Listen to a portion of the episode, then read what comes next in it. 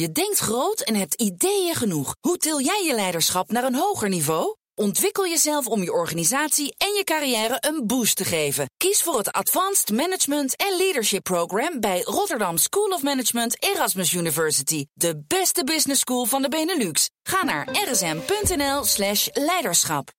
Ik zag mensen met stapels lopen, werkelijk. De laatste keer dat ik dat zag was bij uh, het verschijnen van de laatste Stones LP. Dit is net zoiets, maar dan zeg maar op geopolitiek terrein. Boekenstein en de Wijk voorspellen de toekomst. Alle ellende in de wereld bij elkaar en hoe het verder moet. Koop dat boek. Je kunt ermee opscheppen en over je vrienden hoe erudiet je bent. Ik heb het zelf ook gekocht. BNR Nieuwsradio. Boekenstein en de Wijk. Paul van Liemt. Welkom bij Boekenstein en de Wijk. Het is vrijdag dag 674 van de oorlog in Oekraïne. We beginnen met de grond, uiteraard. Rob. Ja, kun je je Robertine nog eh, herinneren? Daar hebben we het oeverloos over gehad. En dat uh, zagen we als een uh, geweldige uh, opsteken voor, voor Oekraïne. Dat, dat stadje, dat lag in het zuiden, in Zaporizhia Oblast. Dat was veroverd en dat was een van de hoogtepunten van het offensief. dat afgelopen voorzomer, zeg maar, is begonnen door Oekraïne. En dat, dat, dat stadje is nu terugveroverd door Rusland. Hè. Dat, dat past nu in het rijtje van van Bakhmut, Avdivka, Melinka, waar we het de afgelopen dagen over hebben gehad. En dat wijst er dus op dat die Russen echt gewoon uh, bezig zijn om een offensief vorm te geven en grotere delen te veroveren. Te beginnen met de gebieden die tijdens het offensief de Oekraïne terug zijn veroverd op, op Rusland. Ja, daar hoort Marinka ook bij. Daar hebben we het allemaal over gehad. Dat is, dat is al het begin van een enorme aanval die in de lucht ook gigantische gevolgen heeft gekregen. Want de grootste van dit jaar, denk ik, Aantjan. Ja, het is Zelensky heeft het samengevat op Twitter van, ja, Poetin heeft gewoon alle soorten raketten die hij heeft, heeft hij ingezet. Dus hypersonisch, uh, cruise missiles en ook gewone ballistische. Ja. Het is uh, overal, Kiev, Odessa, Dnipro, Kharkiv deze morgen. Uh, 13 doden, mm -hmm. 18 gewonden. Ik denk dat die cijfers nog wel gaan oplopen. Het is echt vreselijk. Echt, als je de beelden van Kiev ziet, 110 raketten. Hè? En sommige zijn daarvan heel moeilijk te onderscheppen, omdat het allemaal soorten ook zijn. We hebben het mhm. eindeloos voorspeld en nu gebeurt het dus. En dit is dus een, uh, hoe cynisch ook, maar natuurlijk een hele slimme aanval. Want uh, nauwelijks te verdedigen, omdat ze bijna alles wat ze hebben ook hebben ingezet. Ja. Enorme diversiteit aan wapentuig. Dus we hebben ook berichten over dat Poetin wel wil onderhandelen. Nou, eerst, ja. eerst nog even wat knallen. Hè? Nou ja, eerst even wat knallen, maar dat klopt. Nee, ik weet niet of er een relatie is, hè? Nee, ik weet ik ook niet. Ik weet niet of er een relatie is. Nou, ja. Dus uh, wat je op dit ogenblik ziet, is dat ook in de New York Times. Dat is toch interessant. Hè? Die kwam uh, met het uh, verhaal dat er allerlei bewegingen waren waaruit zou blijken dat Poetin wel degelijk zou willen onderhandelen. Die kwamen nu met een hoofdredactioneel stuk waarin ze hebben gezegd: ga inderdaad onderhandelen. Poetin wil het, uh, geef het gebied op. En dan zie je op dit ogenblik dat er een enorme discussie aan het ontstaan is, ook in de Verenigde Staten, maar ook in dat roemberuchte en dat geweldige instituut voor de Studies of War. Uh, waarin die zegt van ja, waarin zij zeggen van ja, dat kun je allemaal wel vinden. Maar als je kijkt naar wat uh, Poetin en zijn uh, consorten en zijn kolonialiteiten zeggen, dan moet je toch constateren dat ze vasthouden aan die maximalistische doel, doelstellingen. Dat is natuurlijk ook zo. met Vedev, die heeft de afgelopen dagen ook weer geroepen, deze oorlog zal doorgaan. Lavrov, de minister van Buitenlandse Zaken, die roept hetzelfde. En die zegt die discussie die in het Westen plaatsvindt over de bereidheid van Poetin dat hij daadwerkelijk uh, zou willen onderhandelen. Dat is echt allemaal onzin. Dat duidt er alleen maar op dat het Westen gewoon geen uitweg meer ziet en dat ze zelf willen gaan onderhandelen. Um, het is in ieder geval is het niet handig voor, uh, voor uh, Zelensky wat hier gebeurt. Ten meer natuurlijk omdat, ja, weet je, die hulp aan het opdrogen is. En de, de, Russische autoriteiten leggen niet voor niks de relatie met het opdrogen van de hulp en die hele discussie die nu wordt gevoerd in de Verenigde Staten over mogelijke onderhandelingen. Ja. Het artikel heet Ukraine doesn't need all its territory to defeat Putin. Dat is dus het editorial. Wordt ook een naam bijgezet, meneer ja. Schmeeman. Hè? Uh, en dit, ik vind het ongelooflijk belangrijk, want hier zien we dus een, een switch. Hè? Die, wat hier gebeurt is, luister, wij laten Oekraïne niet in de steek. Hè? Zeker de New York Times niet. Maar je hoeft niet eindeloos door te vragen. Je kan ook gewoon doorgaan met wapens te geven. Dus ze willen een einde aan die waanzin waarbij heel veel mensen sterven. Nou, dat zat er echt heel aan te ja. komen. Ja. En Rob zegt natuurlijk gelijk van ja, ja, het is wel gevaarlijk. Want als, als het Amerikaanse nieuwe pakket echt niet vrijkomt. Waarvan sommige experts zeggen dat het uiteindelijk toch wel zal komen. Ik hoop, dat heel, weten erg, we niet. Ja. ik hoop heel erg dat ze gelijk hebben. Maar deze switch, die hebben we wel een beetje voorspeld, hè, Rob, dat het zou gebeuren. Ja, zeker. Ja, zeker. Het kon ook niet uitblijven dat dit zou gaan gebeuren. Woensdag het laatste uh, grote wapenpakket. Wat we nu weten, althans, uh, dat is um, uitbetaald, om het maar zo te zeggen, 250 miljoen dollar. Ja. Uh, vooral munitie, granaten, maar ook een aantal raketten.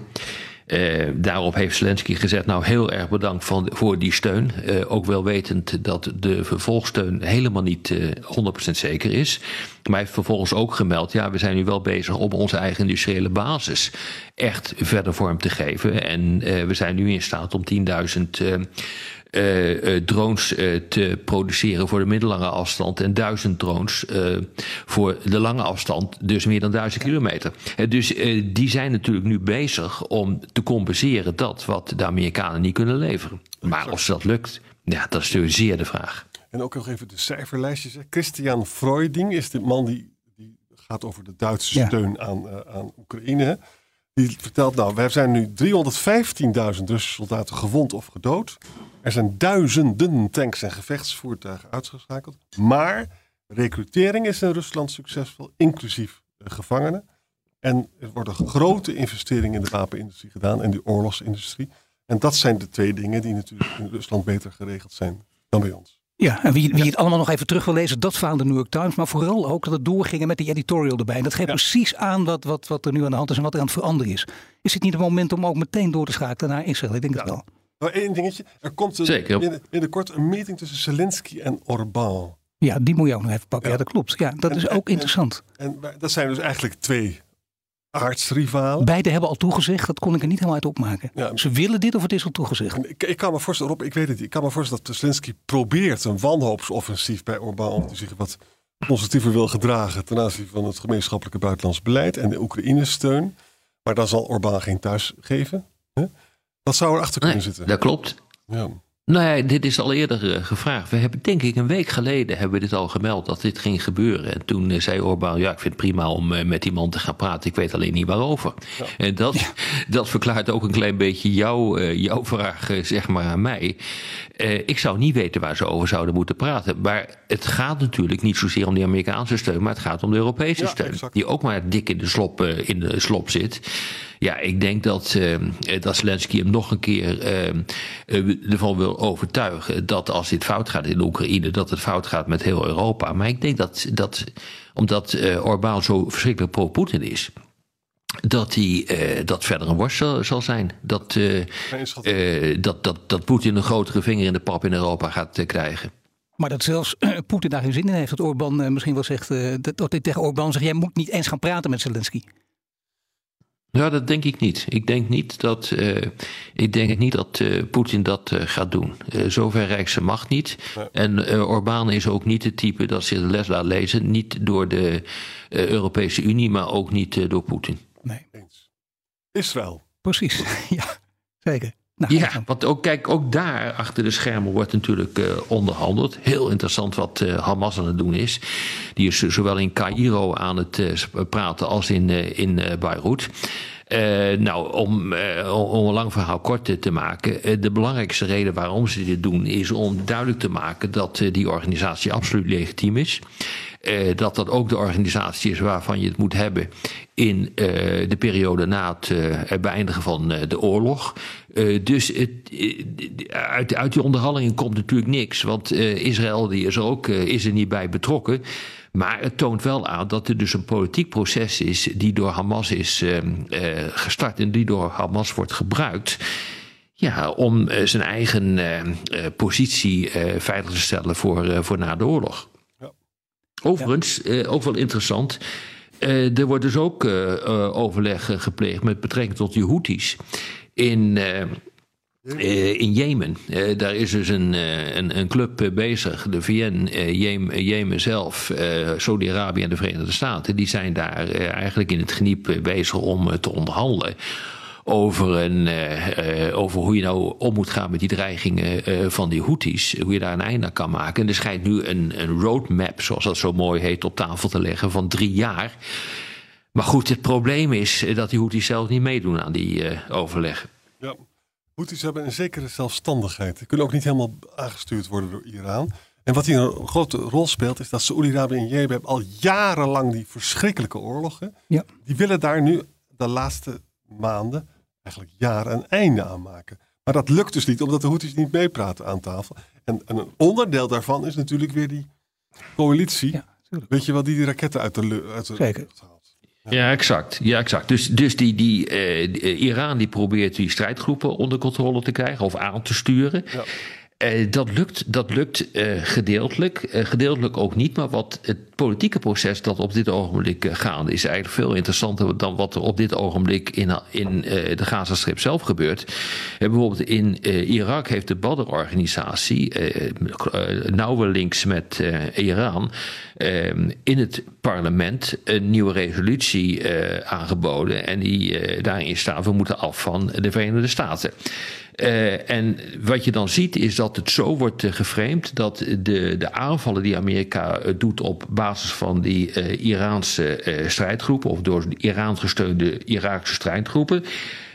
dat eigenlijk gewoon alleen maar zelfverdediging is. Dat wordt nu zo geframed dat het Amerikaanse agressie is. Nou, dat heeft er nu toe geleid dat uh, de premier van Irak, uh, al-Soudani, uh, heeft gezegd: Oké, ik wil nu ook dat die Amerikanen verdwijnen uit mijn land. Nou, de vrees bestaat dat daardoor ISIS, de terreurorganisatie, zich weer kan gaan vestigen in Irak.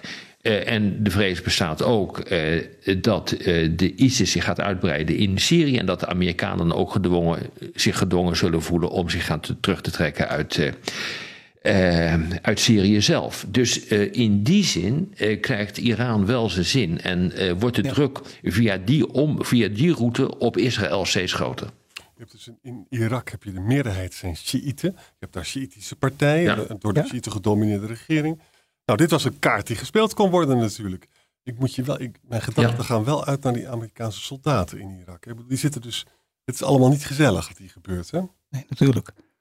Nee. Jan, uh, voordat we dat nee. vergeten, om dit verhaal nog breder te maken en ook, ook gaan bijna uh, misschien wel af te gaan ronden, maar dat hoort er wel bij. Dat rapport waar jij steeds over begon voor de uitzending, daar moet je eventjes wat meer over vertellen. Ja, je weet dus dat die, die Netanyahu-coalitie die is ontzettend uh, volatile. Niet alleen dus door deze oorlog, maar ook door de hervormingen van het Hoge Gerechtshof. nu is een rapport uitgelekt dat over twee weken gepubliceerd wordt van het gerechtshof zelf, Supreme Court zelf, het hoogste gerechtshof. Ja. Van luister eens, die hervormingsplannen van Netanyahu zijn gewoon ondermijnen de democratie. Nou, dat, dat, kan, dat is nu gelekt, over twee weken wordt gepubliceerd. Dat betekent dat Netanyahu's coalitie is daar totaal verdeeld over. De, de, de rechtsradicale flank zal zeggen, nou, dan, uh, dan moeten we dus niet aan luisteren, moeten gewoon doorbeuken. En de, en de gematigden zijn... Dus met andere woorden, Netanyahu zit op twee fronten helemaal fout. Misschien wel duizend fronten, maar dus de, hervorming maar daarnaast ook de oorlog zelf en het post-war plan voor de ja. Gazastrook. Want als de Palestijnse autoriteit daar terug zou komen, dat willen de Amerikanen, dan is Netanyahu ook weg bij die rechtsradicalen. Dus die man heeft nu ja. een, emmer eh, slaappillen nodig om in slaap te komen. Ja, en hoe die uit de strijd zelf op Gaza moet komen is ook volstrekt onduidelijk. Misschien toch nog even... Uh, zo aan het eind van, uh, van deze podcast iets over de situatie op de grond. Als je van noord naar zuid gaat, uh, dan uh, zie je dat het noorden goed deels onder controle is. dat is Gaza-stad dus, van de Israëlische strijdkrachten zijn wel bezig. Uh, met het uitvoeren van zogenaamde clearing operations. Dat zijn dus operaties uh, om de strijders van Hamas en, uh, en aan andere groeperingen om die daar weg te krijgen. Dat gebeurt dan in Darai en Tufa. Uh, dan verder naar het zuiden, dan kom je in Centraal uh, Gazastrook uh, terecht. Daar vinden op dit ogenblik de grootste gevechten plaats. Daar is de, de positie van Israël, van de Israëlische strijdkrachten, niet vanzelfsprekend. Wat je daar ziet is dat er een opmars wordt gedaan naar Boerij. Boerij, uh, dat ligt uh, echt gewoon midden in die, uh, in, in die Gazastrook. en dat probeert op dit ogenblik Israël onder controle te krijgen. Dan verder naar het zuiden zie je dat ja, de, de, de, de strijd rond uh, Khan Yunis vrij of, of gewoon doorgaat. En wat interessant is, is dat die, eh, die Hamas-strijders steeds geavanceerdere wapens uh, krijgen. Hebben net, Iran is al een aantal malen gevallen.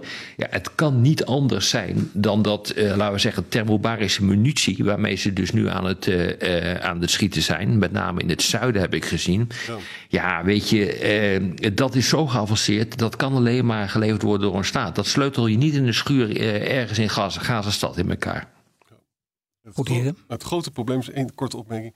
Er zijn, er zijn, dus allemaal gebieden aangewezen door de, door de IDF waar je dan veilig zou zijn. Maar die, die zijn incoherent en inconsistent. En daardoor vallen er dus ook mhm. doden. Hè. Dus 24 december is die aanval, is, is, het IDF nu erkend dat ze dus gebouwen geraakt hebben naast de doelen. En dat waren dus wel meer dan 70 doden. En ze hebben domme bommen gebruikt. Zo is het. Ja. Goed, heren, staat op een, ruim 21.000 doden, 55.000 gewonden. Ga er maar aan staan. Tot morgen. Tot morgen. Dank Arend Jan, dank u op en tot, tot morgen. morgen. Je denkt groot en hebt ideeën genoeg. Hoe til jij je leiderschap naar een hoger niveau? Ontwikkel jezelf om je organisatie en je carrière een boost te geven. Kies voor het Advanced Management en Leadership Program bij Rotterdam School of Management Erasmus University. De beste business school van de Benelux. Ga naar rsm.nl/leiderschap.